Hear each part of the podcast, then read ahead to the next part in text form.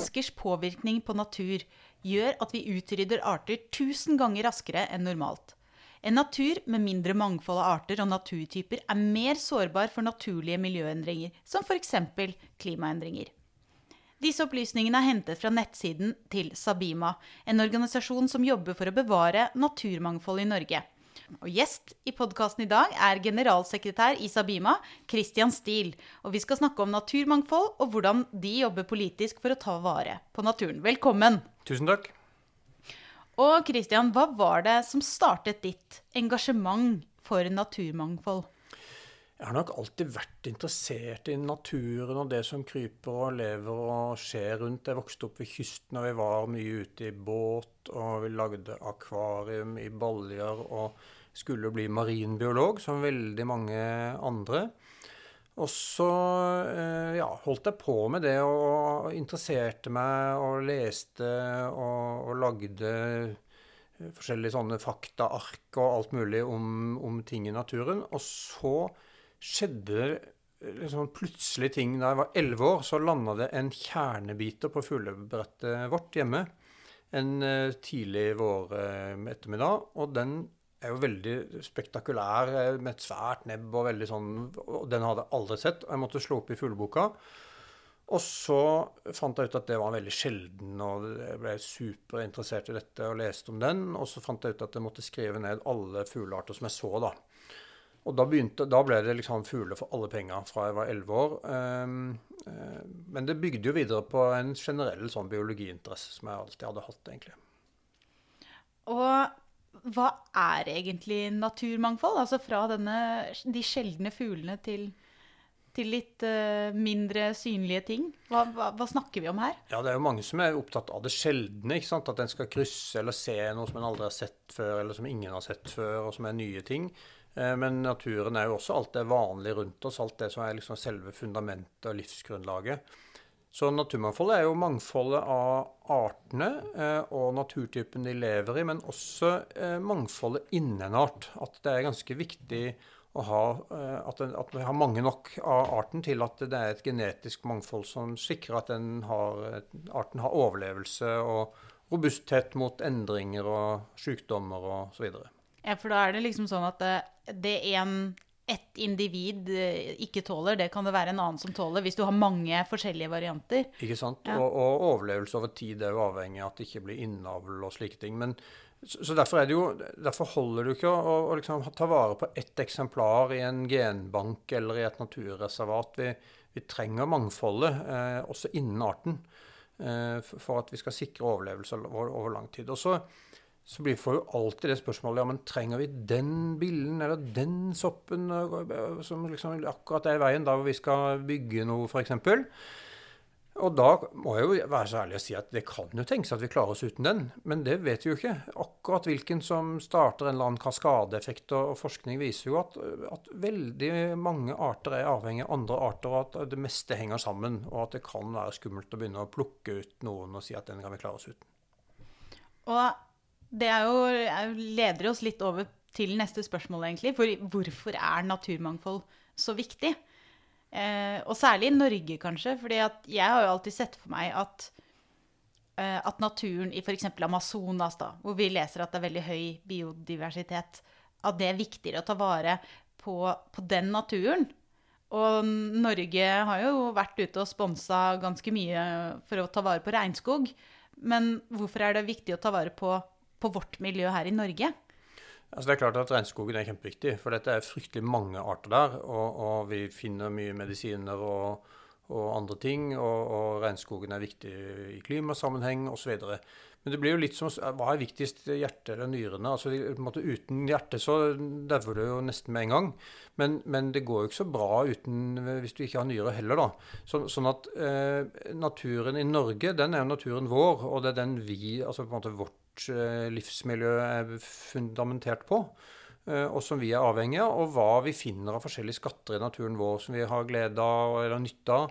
Det bare har vi begynt å skrape i overflaten av, egentlig. Man har drevet mest med sånn bioprospektering kanskje i regnskogen, for det er liksom så veldig oppmerksomhet om regnskogen og, og, og, og hva vi finner der. Men, Men vi, vi har allerede funnet noen skatter i norsk natur og, som kan være fryktelig verdifulle. Og jeg tror vi finner mye mer. Og så er det jo, har jo naturen altså naturen har verdi på veldig mange forskjellige måter. Den, den, er, jo, eh, den er jo rekreasjon. Eh, den gir mange økosystemtjenester. Ren luft og rent vann og, og pollinering og flomdemping og en lang rekke ting. Og så mener jeg at naturen har en egenverdi. Sånn at, at om vi så har eh, en måte ti ganger så mange arter enn regnskog, så, så er likevel de artene vi har her, har en, en, en, rett til å leve, og vi har en plikt til å bevare de, mener jeg da. Vi har forresten regnskog i Norge òg. Har, vi, har vi det? Hvor, ja. Hvor da? Norge har mest regnskog i Europa. Oi. Så på Vestlandet, Trøndelag, så er det forskjellige regnskogstyper. Eh, kyst, eh, sånn granskog i Trøndelag og forskjellige løvskogstyper på Vestlandet. Så vi har faktisk en god del regnskog i Norge, men den er jo minst like trua faktisk som den tropiske regnskogen. Ja, for det er jo litt sånn jeg, jeg, tenker liksom ikke over at vi kan ha regnskog, men det, det, passer jo helt sikkert til definisjonen. Hvis du har vært i Bergen, så skjønner du hvorfor. ja.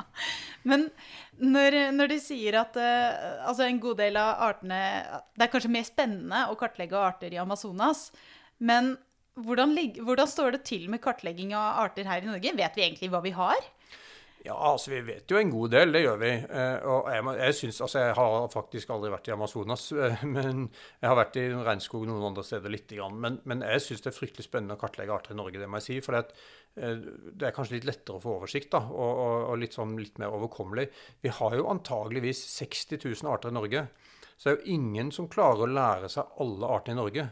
Så hvis man vil ha en hobby eh, eller en utfordring eller noe som du kan jobbe med hele livet og lære noe nytt absolutt hver eneste gang du holder på med det, så kan du drive med kartlegging av arter og lære deg arter og utforske norsk natur. Så, så, så det er nok å ta. Altså, vi, vi, kjenner jo til noen og 40 000 arter er det vel i Norge som er på en måte funnet. Og så har man gjort noen beregninger og vurderinger, og at vi fortsatt mangler en 13 000-14 000 arter eller noe sånt. Så, så, så, det er mye uoppdaget igjen, men vi vet også ganske mye om, om i hvert fall artsmangfoldet. Og så er det jo eh, naturvariasjon. altså Det er jo en av de spesielle tingene ved Norge at vi har veldig stor naturvariasjon. Vi har ikke så veldig mye natur som ikke finnes noe annet sted. Og det har jo sammenheng med at, eh, at Norge var dekka av is for bare 10 000-15 000 år siden. Men det i seg selv er jo også interessant? Absolutt. Det skaper jo også, eh, har bidratt til mye av mangfoldet. Men det gjør at det er ikke så veldig mange arter som er endemiske, da, som vi sier at de bare fins her. For det har de slett de har ikke rukket å, å, danne seg nye arter i Norge på bare de 10 000-15 000 årene. Mm. Nesten ikke, i hvert fall. Eh, men, men, variasjonen er veldig spesiell for Norge. Det er ikke så mange steder som har så stor naturvariasjon på så lite areal. At du kan bevege deg noen få kilometer fra eh, oseanisk eh, masse regn i kystområdene til ganske tørre innlandsområder, liksom bare over et lite fjell i Midt-Norge f.eks., eller også i Nord-Norge. Så, så, du har stor variasjon på lite, lite, areal. Og den egenskapen i seg selv er kanskje også verdt å ta vare på, da? Absolutt. For da vil man kunne studere samspillet mellom, mellom naturtyper på en helt annen måte. Ja, og det gjør også at vi har, eh, at vi har veldig mange arter da, til så få eh, så til et relativt lite areal å være, så, så har vi jo stort mangfold. Men, men, vet du noe om hvor ofte, hvor ofte, er det man finner en ny art i Norge? Altså. Og Hvert eneste år så finner man flere nye arter. Eh, og noen av de er jo forventa at vi liksom, de har sett i Danmark eller Sverige, eller vi på en måte ser at dette er på vei inn, eller det er noe vi har lett etter, så vi på en måte, den må jo være her. Eh, og så kan det komme helt uventa ting eh, som, som, vi ikke vet etter. Det, det er jo selvfølgelig også en del artsgrupper som har vært veldig lite studert. Sånn at, eh, sånn at, da eh, Hvis du bare begynner å jobbe med den gruppa, så vil det dukke opp eh, flere nye arter. Så hvor mange nye arter i året tør jeg ikke si, men, men jeg tror det, det er snakk om en, en over 1000 arter liksom de siste 10-15 årene, f.eks. Jeg tenker at det sier noe om, om, hvor lite vi egentlig vet om vår egen, mm. egen natur. Mm. Og, hvor, altså, og det er vanskelig å måle verdien av det når vi ikke helt vet hva vi har. ikke sant? Mm. Det er som å ha en, en skattkiste og så ikke ha nøkkelen, på en måte. Så veit du ikke helt hva som er opp, oppi der. Absolutt. Og jeg syns skattkiste er et godt begrep. For det, er jo skatt altså på veldig mange måter, som jeg sa eh, også i stad, at, at det, er, det, er, viktig for, for, samfunnet vårt. Det er viktig for velferden og, og livskvaliteten vår å kunne oppleve alt det spennende da, fra denne kjernebiteren som tente en elleveåring og, og, og, sånn, og, og, til bare det med friluftsliv. Altså, det finnes jo forskning som viser at, at verdien av friluftsliv er jo er enorme beløp. Altså Oslomarka er beregna til å ha en, en, en, verdi for folkehelsa på 30 milliarder kroner i året. Som jo er mange ganger mer enn f.eks. tømmerverdien av, av de trærne som står der. Så, sånn at ja, Naturen er kjempeverdifull, og, og, og, den skattkista må vi jo både måte, finne ut av og grave i og, og, ta vare på. Ja, og det er jo det er noen som har gjort en del sånn studier på dette med, med bioøkonomi. da, At, at uh, hvis man setter en prislapp på naturen, så ser man plutselig hvor mye, hvor mye den egentlig gir oss mm. uh, i, i, kroner og øre, som man ikke helt uh, tenker over.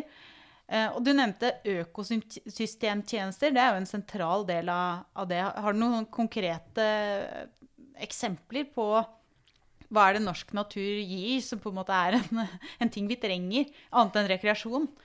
Ja, altså eh, pollinering er jo en sånn klassisk eh, økosystemtjeneste som, som, er litt lett å forstå, og som mange kan se i sin egen hage osv. Eh, og, og, det, altså bestøving av, av blomster, da. Eh, og for, særlig kjent biene, selvfølgelig, men også mange andre insekter og, og skapninger som, som, utfører pollinering.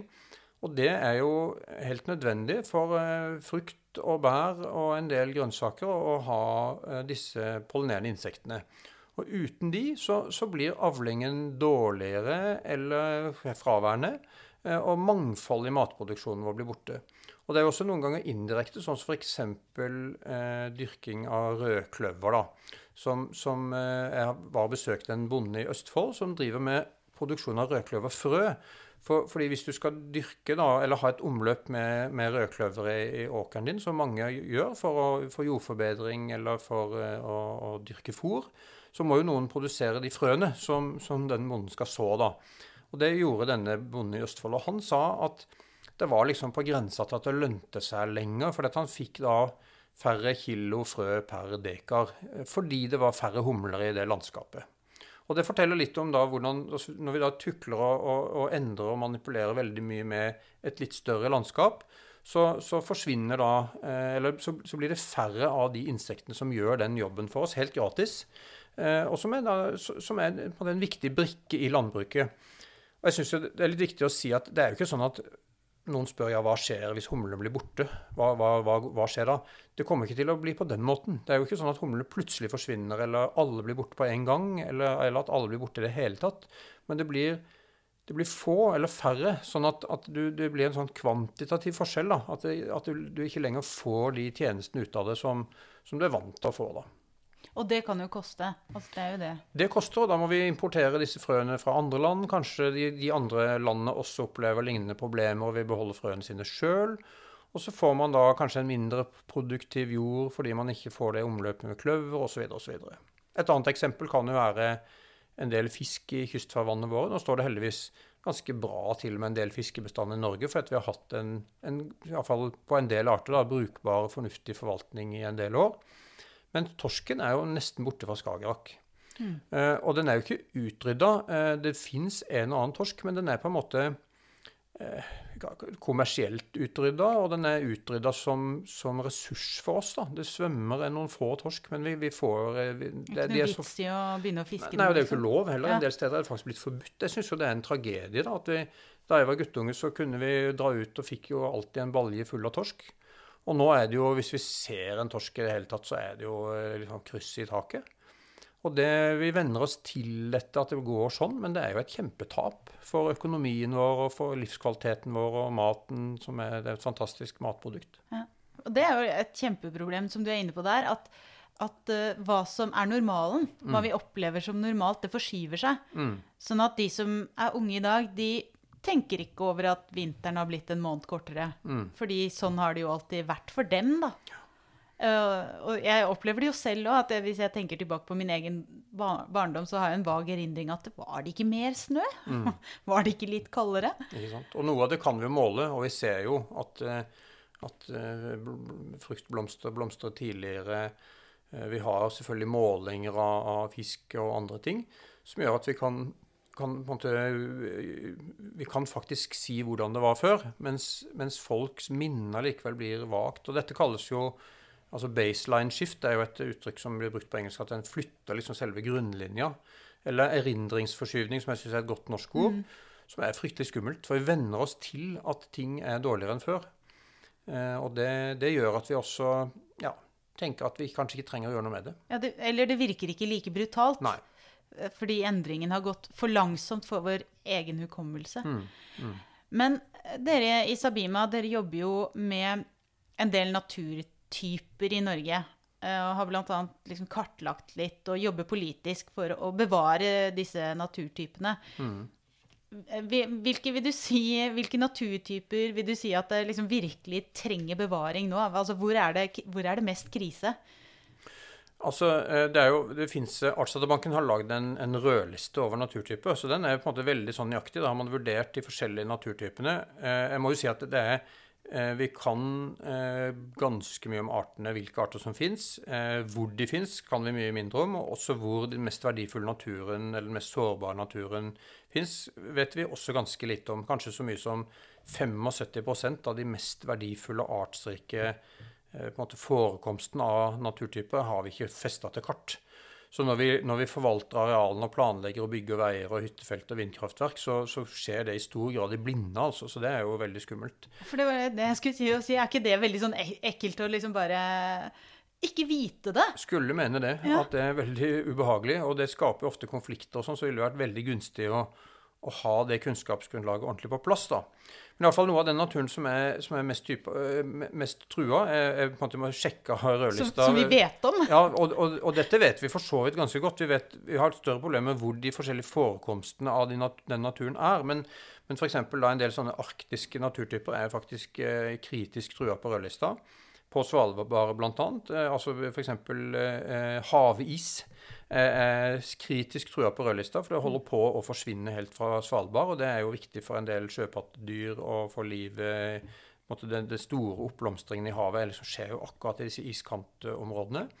Eh, og, og permafrostområder og sånne ting. Dette holder på å bli borte. Palsmyr er f.eks. En, en myrtype som er liksom sånn frossen hele året. Holder på å forsvinne, og, og er spesiell natur som har spesielle arter. Og så er det jo også en del av disse kulturlandskapstypene altså det som vi kaller seminaturlig eh, natur.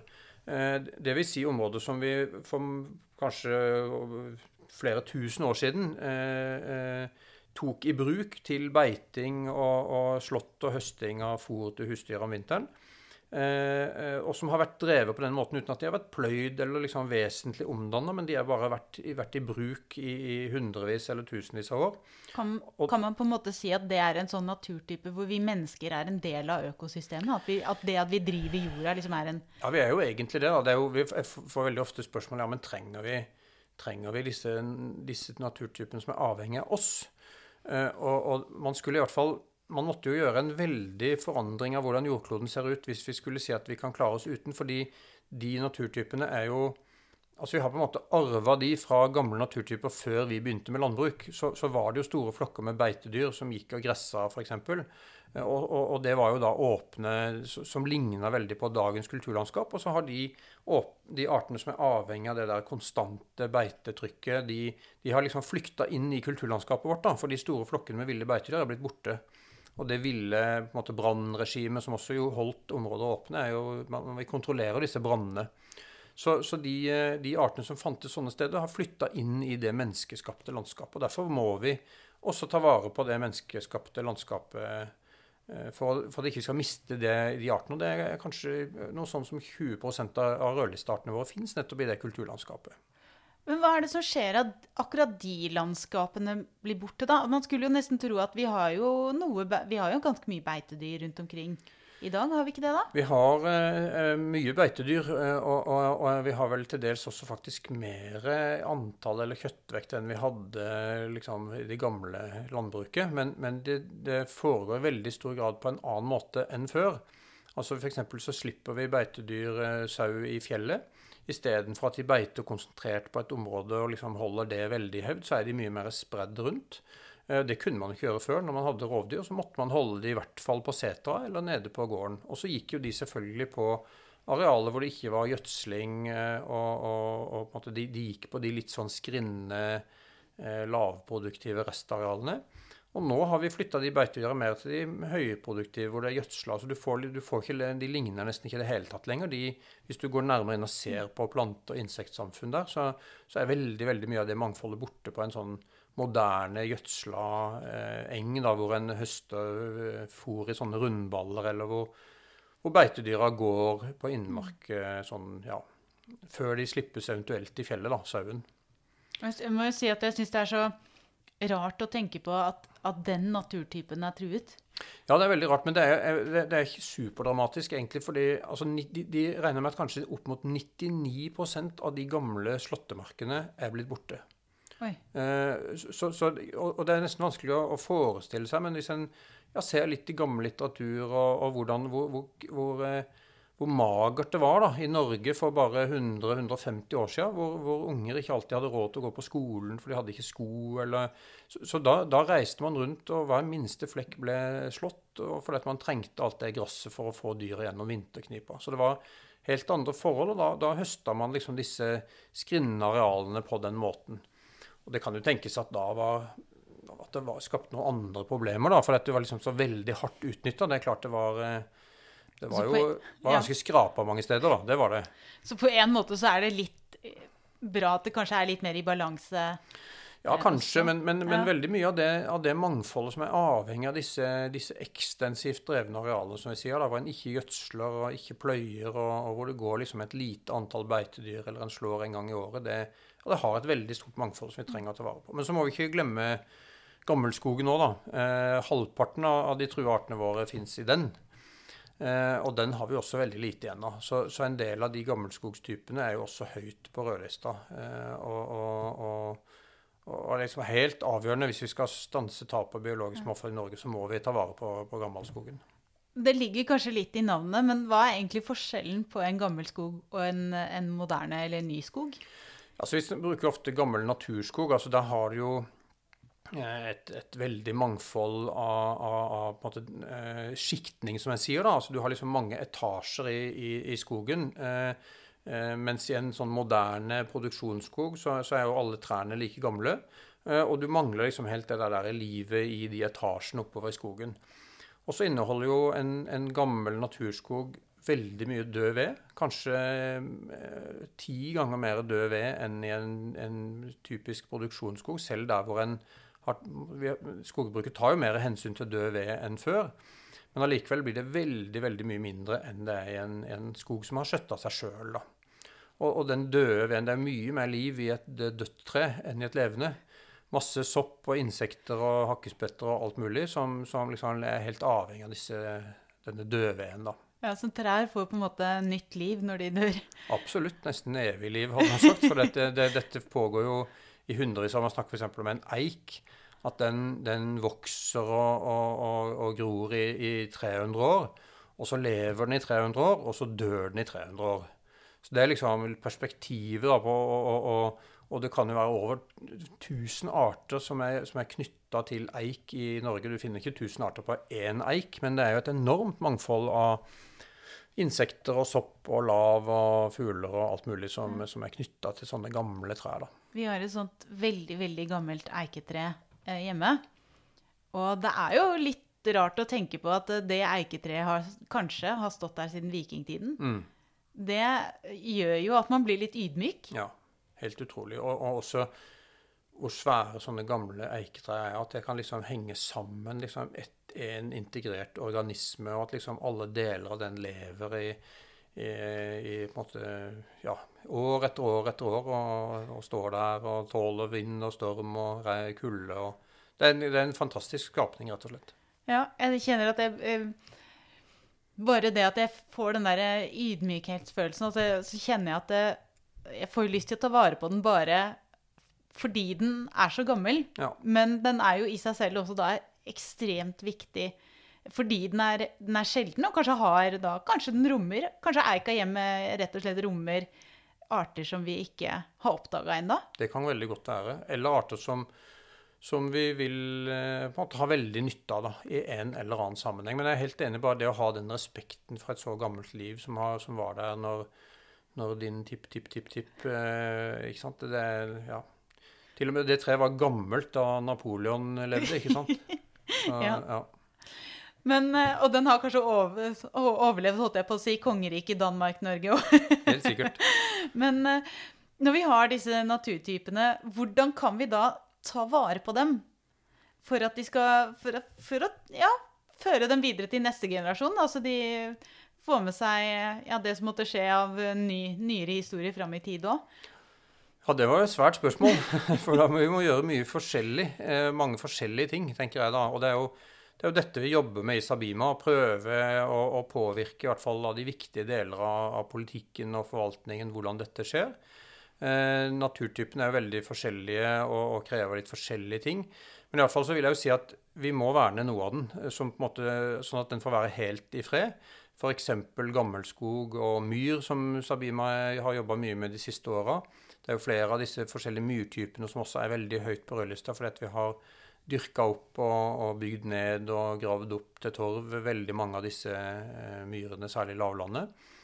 Eh, så, så noen av disse naturtypene, som skog og myr og andre typer våtmark og, og strand, eh, strandområder osv., må faktisk få være helt i fred. Og så er det jo selvfølgelig da noen av disse kulturlandskapstypene som må eh, skjøttes på den gamle måten at vi må sette landbruket i stand til å gjøre det. Så litt sånn, altså Vern og bevaring er én ting, men så vil vi jo Det er jo ingen som mener at vi skal verne halve Norge. eh, I hvert fall har ikke det vært noe tema på en foreløpig. Sånn at, sånn at vi skal jo vi, vi, skal jo leve her, vi òg. Og vi må drive næring, vi må nå leve av. Vi trenger råstoff. eh, Vi skal bo et sted, og vi skal flytte oss litt rundt. Så det skal være Vi skal ha menneskelig aktivitet. Og da tenker jeg at det er veldig viktig hvordan vi organiserer den. Nå snakker jeg jo sånn veldig overordna, da. Vi kan sikkert være litt mer konkrete etter hvert. Men, men, men liksom hvordan, hvordan driver vi det hverdagslandskapet, da?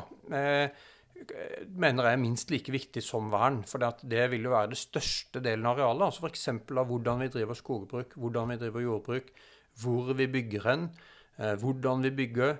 Eh, hvordan vi forvalter vassdragene våre, f.eks. Vi, vi trenger jo noe fornybar energi fra, fra vannkraft. Det er jo en velsignelse for Norge. Men, men hvordan kan vi gjøre det uten at det går altfor mye utover livet i, i elver og, og vann, da.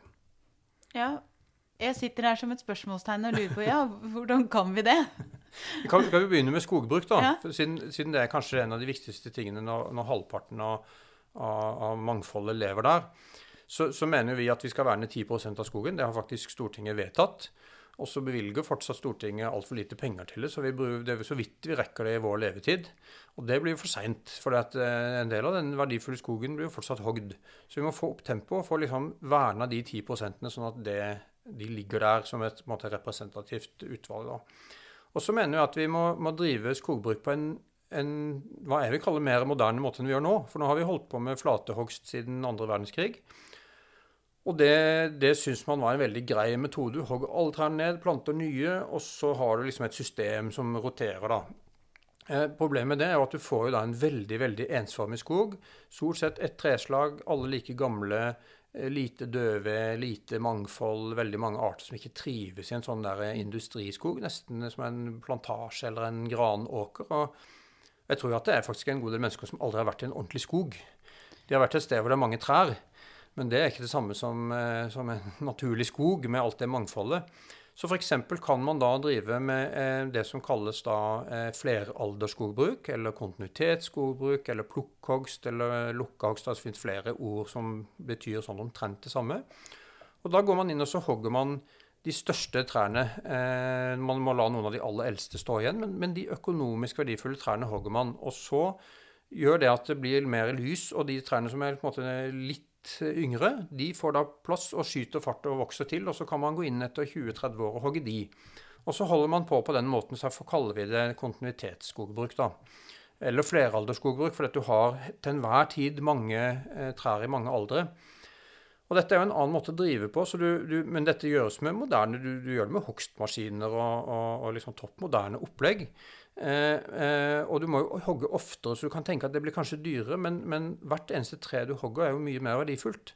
Så det viser seg at den måten å drive skogbruk på kan være like økonomisk lønnsom. Vi får like mye treråstoff, eh, men vi høster det på en annen måte enn å hogge alle på en gang. Da vil det til enhver tid være trær der. Alle de f.eks.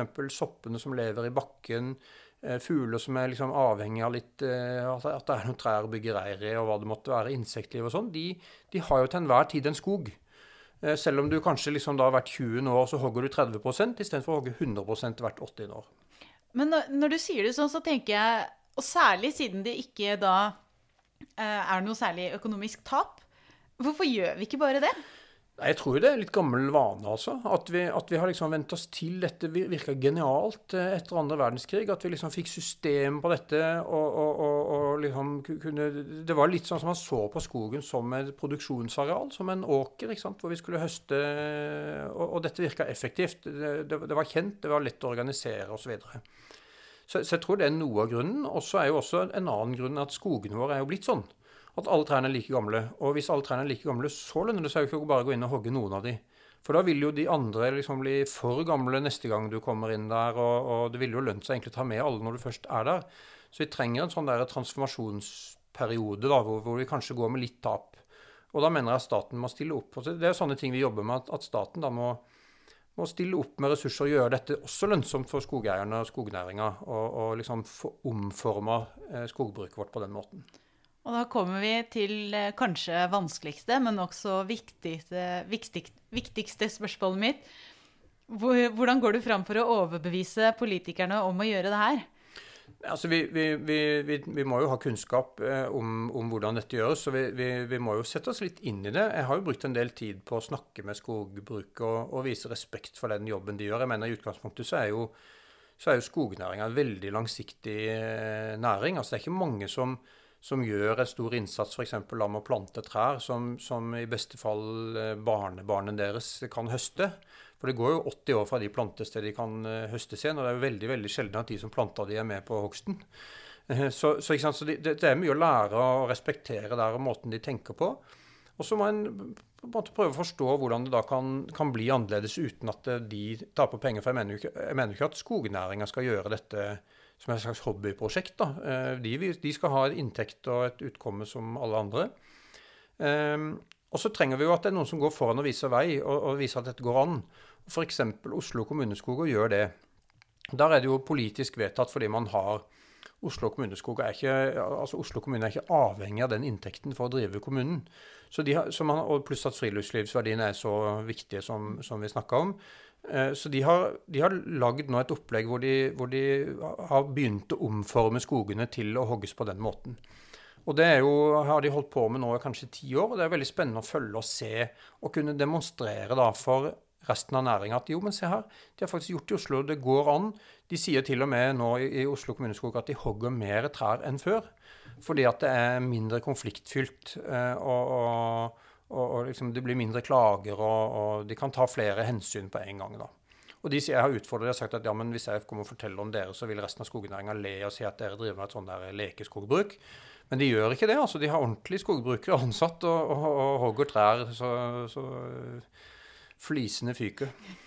men dette er, jo, det, dette er, jo, kjempegode nyheter, tenker jeg. Men er, står det sånn til med de andre naturtypene også? Eller er, hva, hvordan går det fram når du skal snakke med politikerne for å bevare skog eller naturtyper? Altså, Vi må jo fortelle disse historiene om at det går an, da. Om det er fra andre land eller noen steder i landet hvor man har begynt å tenke annerledes. Noen næringer, noen, noen piloter, noen som går foran og, og, og gjør dette. Altså for så er det jo også gøy å fortelle for alle sånn teknofriker at i Oslo kommuneskog så har de jo lasermålt hele skogen sin. Eh, med, fra fly. Så, så de har, og det laserutstyret måler da hvert eneste tre. Så de vet liksom det treet er antageligvis gran og er liksom 23 meter høyt, så mange kubikk. Og det bør hogges i, i 2027. Det er liksom det optimale tidspunktet. Så sånn er hvert eneste tre i Oslo kommuneskoger nå prikka ut. da. Og jeg tenker at det fins lignende ting på andre naturtyper. Jeg tenker at det fins eh, moderne måter å drive med landbruk på. Du kan ha sånne GPS-halsbånd på beitedyr f.eks., så du slipper å, å, bruke, å ha gjæring. Det har vært en sur jobb i alle år for de som har beitedyr, å skulle holde ved like og, henge, og sette opp disse gjerdene. da. Så fins det nye metoder som er liksom på vei inn. Du kan sitte på iPaden din og liksom bare tegne litt. Her skal jeg disse sauene beite i dag, og så kan jeg flytte de liksom til et annet sted i morgen. Og Kan det GPS-halsbånd da si til på en måte signalisere til sauen på en eller annen måte at øh, nå skal du gå vestover? Ja, nesten, da. Eller, det, det, fungerer sånn at da, hvis du har markert et område, da, så, så når, når, dyret nærmer seg da grensa, så begynner det å pipe. Og hvis den da går over grensa, så får den et lite støt. Eh, sånn at det, og dette lærer iallfall de fleste av disse dyra seg ganske kjapt, at når det piper, så bør de snu og gå en annen vei. Og så vimser det litt rundt, og så vil jo det til syvende og sist gjøre at de holder seg innenfor det arealet. Så kan du flytte det gradvis i en eller annen retning, f.eks., og så får du med deg hele flokken på den måten, da. Jeg synes det er kjempefascinerende. Og bare et eksempel til da, på hvordan det går an å modernisere og, og, og, gjøre ting naturvennlig uten at det behøver liksom, at vi skal tilbake til steinalderen.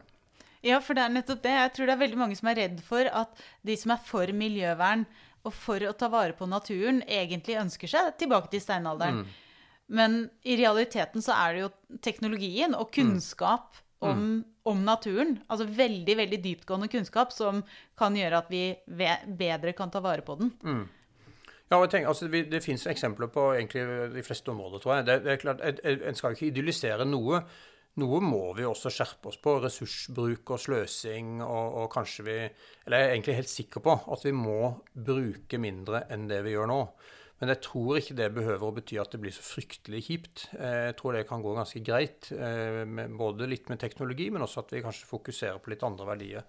Men, men det fins også mange eksempler på, på modernisering som, som, jeg tror kan ja, som gjør at vi, vi, vi, ikke taper så mye egentlig heller. Innen vannkraft så, så har vi forska mye i Norge på hvordan vi kan ha miljøvennlig eller naturvennlig vannføring f.eks. Så vi bare litt minstevannføring i et gammelt vannkraftverk. Eh, altså dette, er jo, dette, er jo, industrianlegg som er 100 år gamle. Eh, bygd i en tid hvor ingen tenkte på biologisk mangfold og liv i elva, så det er helt tørrlagt. Men med litt eh, minstevannføring så, så, får vi tilbake ganske mye av livet i elva, uten at det går veldig utover kraftproduksjonen. Vi kan kanskje modernisere eh, selve anlegget som gjør at produksjonen til og med holdes ved like. da. I oppdrett så, sant, så, har man jo stadig jobba med, med, utvikling av, av, ny teknologi og nye oppdrettsanlegg da, som gjør at ikke vi ikke får rømming eller lakselus. Altså det, dette er en måte som, det går an å drive dette på en annen måte enn i dag, hvis en liksom bare prioriterer det. Eh, og jeg, jeg synes jo det siste året har jo vært et veldig godt eksempel på hvordan det går an å omstille samfunnet noe helt durabelig hvis det bare er viktig nok, og hvis politikerne sender et tydelig signal nå skal vi gå den veien. Plutselig har alle hjemmekontor. Eh, og det er klart at det har skapt problemer, altså, så jeg skal ikke idyllisere det heller. Men det er jo en, en helt vanvittig omstilling som vi har klart bare fordi at eh, signalet var tydelig nok. Behovet var helt eh, liksom overbevisende, da. Og jeg mener jo at det egentlig burde være det på å ta vare på naturen nå. Det er bare det problemet som vi, som vi snakka om i stad. Det går så langsomt, så vi, vi, det blir ikke akutt nok. Og det er jo et kjempeproblem. Det høres for meg ut som at det, det aller viktigste vi egentlig kan gjøre, det er eh, å gå til politikken når det kommer til det å endre, endre måten vi lever på, endre, og virkelig få til å ta vare på naturen. Og det er jo valgår i år. Hva, mm. hva er din utfordring til eh, partiprogrammene? Nei, altså Sette dette på dagsorden. Forstå eh, altså Statsministeren sa i høst at vi er inne i en naturkrise. Og det syns jeg er veldig bra at eh, på en måte vår eh, aller fremste politiker da, eh, for tida sier det og gjør dette sammen med verdens ledere. For det er helt riktig at vi er i ferd med å, å miste veldig mye av mangfoldet og, og styrken i økosystemene og liksom dette som er livsgrunnlaget vårt. da. Jeg pleier å snakke om naturkapitalen. Det går egentlig opp i røyk, sånn sakte, men sikkert. Eh, dette har vi jo tall fra, fra Naturpanelet og fra Klimapanelet. At 10% av verdens økonomi eh, taper vi hvert eneste år pga. ødelagt og forringa natur, f.eks. Så, så, så dette, dette må partiene ta på alvor og få inn rett og slett i Altså, vi, vi trenger å, å, føre regnskap med den naturkapitalen på en helt annen måte enn det vi har gjort til nå. Vi har veldig god kontroll på finanskapitalen og humankapitalen vår, mens naturkapitalen går for lut og kaldt vann. Og vi må, vi må, restaurere natur, vi må bevare natur, og vi må endre måten da vi driver næring og bruker arealene på. Og, og, arealforvaltning er jo kanskje noe av det Sabima er aller mest opptatt av. Hvordan kommunene f.eks. da disponerer eh, arealene sine. De, det er jo ikke en fornybar ressurs. ikke sant? Hvis man bygger et hyttefelt eller et industrianlegg eller en vei, så er den naturen i stor grad liksom, tapt, egentlig, for uh, uoverskuelig fremtid. da. Så dette må vi, kommunene må bli flinkere til det, og, og, og gjenbruke arealer og, og liksom stanse dette arealforbruket. Dette finnes det jo spennende nye metoder. Det er jo, det er en del kommuner som har engasjert seg i det, da, og som sier de vil bli arealnøytrale og jobbe med arealregnskap. Så, så, jeg tenker at politikerne må jo også støtte opp om det. Jeg tenker at Dette kan gå litt sånn begge veier, at en må stille krav ovenfra, men også støtte der hvor det skjer bra initiativ. da støtte skognæring som ønsker å, å, omstille seg, støtte kommuner som vil lage, ha en bedre arealforvaltning. Eh, legge til rette for at mm. industri og, og næringsliv eh, ja, tar mye mer hensyn til naturen. Mm. Det høres ut som en ganske omfattende jobb for disse politikerne. At det er, ja, ja. det er mye de skal ta fatt på. Det er det jo, men det fins sannelig med mye kunnskap òg. Altså, og mye, mye, som allerede egentlig er vedtatt, men som ikke blir satt ordentlig i gang. og og, og, jeg tror også masse nye arbeidsplasser og mye spennende. Det, det, er jo også veldig oppløftende fra Naturpanelet at de sier at det f.eks. å restaurere natur er en supergod investering. Du, de sier at i snitt på global basis så får man igjen ti ganger det man investerer når man restaurerer natur. Fordi da du får flere pollinerende insekter, du får natur som demper flom, eh, du, du får kanskje en rikere natur for folkehelsa osv. Og restaurering av natur, dvs. Si at hvis du har f.eks. hatt en motorvei et sted, da, og så skal du bygge en ny vei, en ny veitrasé en litt annen sted, istedenfor å la den gamle veien stå, så gjør du på en måte det du kan for å bygge tilbake mm. naturen som det var. Absolutt, det er en måte å restaurere ja. på. Men også f.eks. da å få tilbake minstevannføring i en tørrlagt elv er jo en form for restaurering. Da mm. blir iallfall deler av den naturen funksjonell igjen.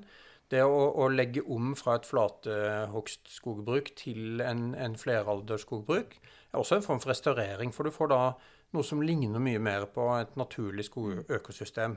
Eh, så det er mange måter å gjøre dette på, og, og det vises altså at dette er veldig lønnsomt eh, for oss. Så, så, vi må jo bare komme i gang med denne investeringen, som Stortinget har vedtatt at vi skal.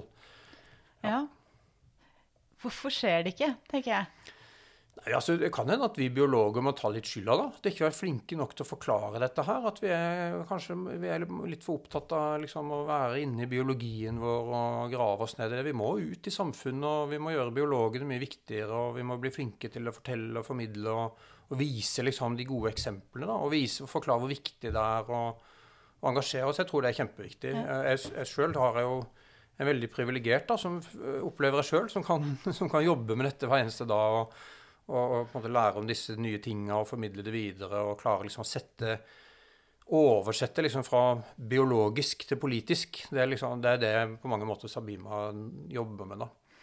Og, og det er vanskelig, og det er, det er mange det er jo en del skuffelser, da. Ja. så man har, du har Du har jo holdt på med det nå, ja, noen år. Ja, har jo det. Og, og, men også, det er litt sånn, hvis en ser tilbake, eh, altså for eh, 10-15 år siden, så, så, ville man bare ha ledd av at de skulle stoppe en utbygging som følge av en sommerfugl eller en sopp. Og nå er det helt altså det, det, er ikke det at det alltid det stopper utbygginga, men, men, nå er det iallfall helt, en, en, en helt sånn rasjonell og naturlig diskusjon å ta. Kan vi godta det? Det som har skjedd med myr de siste fem åra, er ganske formidabelt. Altså, vi, vi var med å, å, hjelpe Venstre med å fremme forslag på Stortinget i 2015 om bevaring av myr. Og det var, når jeg ser på det forslaget også, ganske puslete. Uh, vi liksom, kan vi gå så langt, og vil vi få liksom, vil Venstre klare å få med seg noen andre på det? Og nå er det vedtatt alt sammen. Det ble ikke vedtatt da, men fem år etterpå så ja, er det meste av det på plass, eller iallfall på, på vei, da. Jeg syns det høres ut som vanvittig gode nyheter på en måte, fordi at det gir jo litt håp for frem, fremtiden. Mm. Jeg, jeg, har et uh, siste spørsmål fra min uh, vanlige, eller vanligvis makker her i studio. Vilde Olsson Lahlun. Og hun har følgende spørsmål. Se for deg den mest hardbarka, oljeelskende Frp-er, eller noe sånt, som får klimaministerposten. Og du får ett minutt til å overbevise dem om at uh, naturen er viktig. Hva sier du? Altså, Fremskrittspartiet er jo partiet for folk flest. Eh, og hvis de tror at det å ødelegge natur er i tråd med hva folk flest vil, så tror jeg de tar fryktelig feil. altså. eh, når vi snakker med folk, så, så, så, er, eh, så, er, mange veldig opptatt av natur, av nærnaturen sin. Og, de, og stadig flere forstår at vi er i en naturkrise, og, og, og, at vi må gjøre noe med dette. De ser og opplever det rundt seg. Så hvis, hvis, Fremskrittspartiet skal være partiet for folk flest, så må de faktisk ta det på alvor. Og det er dritdårlig økonomi eh, å, å, ødelegge naturen. Så hvis de er opptatt av økonomi, og at vi skal holde orden i kapitalene våre, så må de faktisk også ta vare på natur. Og heldigvis så er det blitt sånn at, at eh, de får ingen partier å samarbeide med hvis de har som plan å ødelegge naturen. Herlig. Da vi, setter vi punktum der. Tusen takk, Christian Steele, for at du var med på denne podkastepisoden. Og så håper jeg at eh, politikerne setter seg ned og hører på denne podkasten, og eventuelt tar kontakt med Sabima etterpå. Takk til deg som lytter. Vi kommer tilbake i neste uke. Vi høres.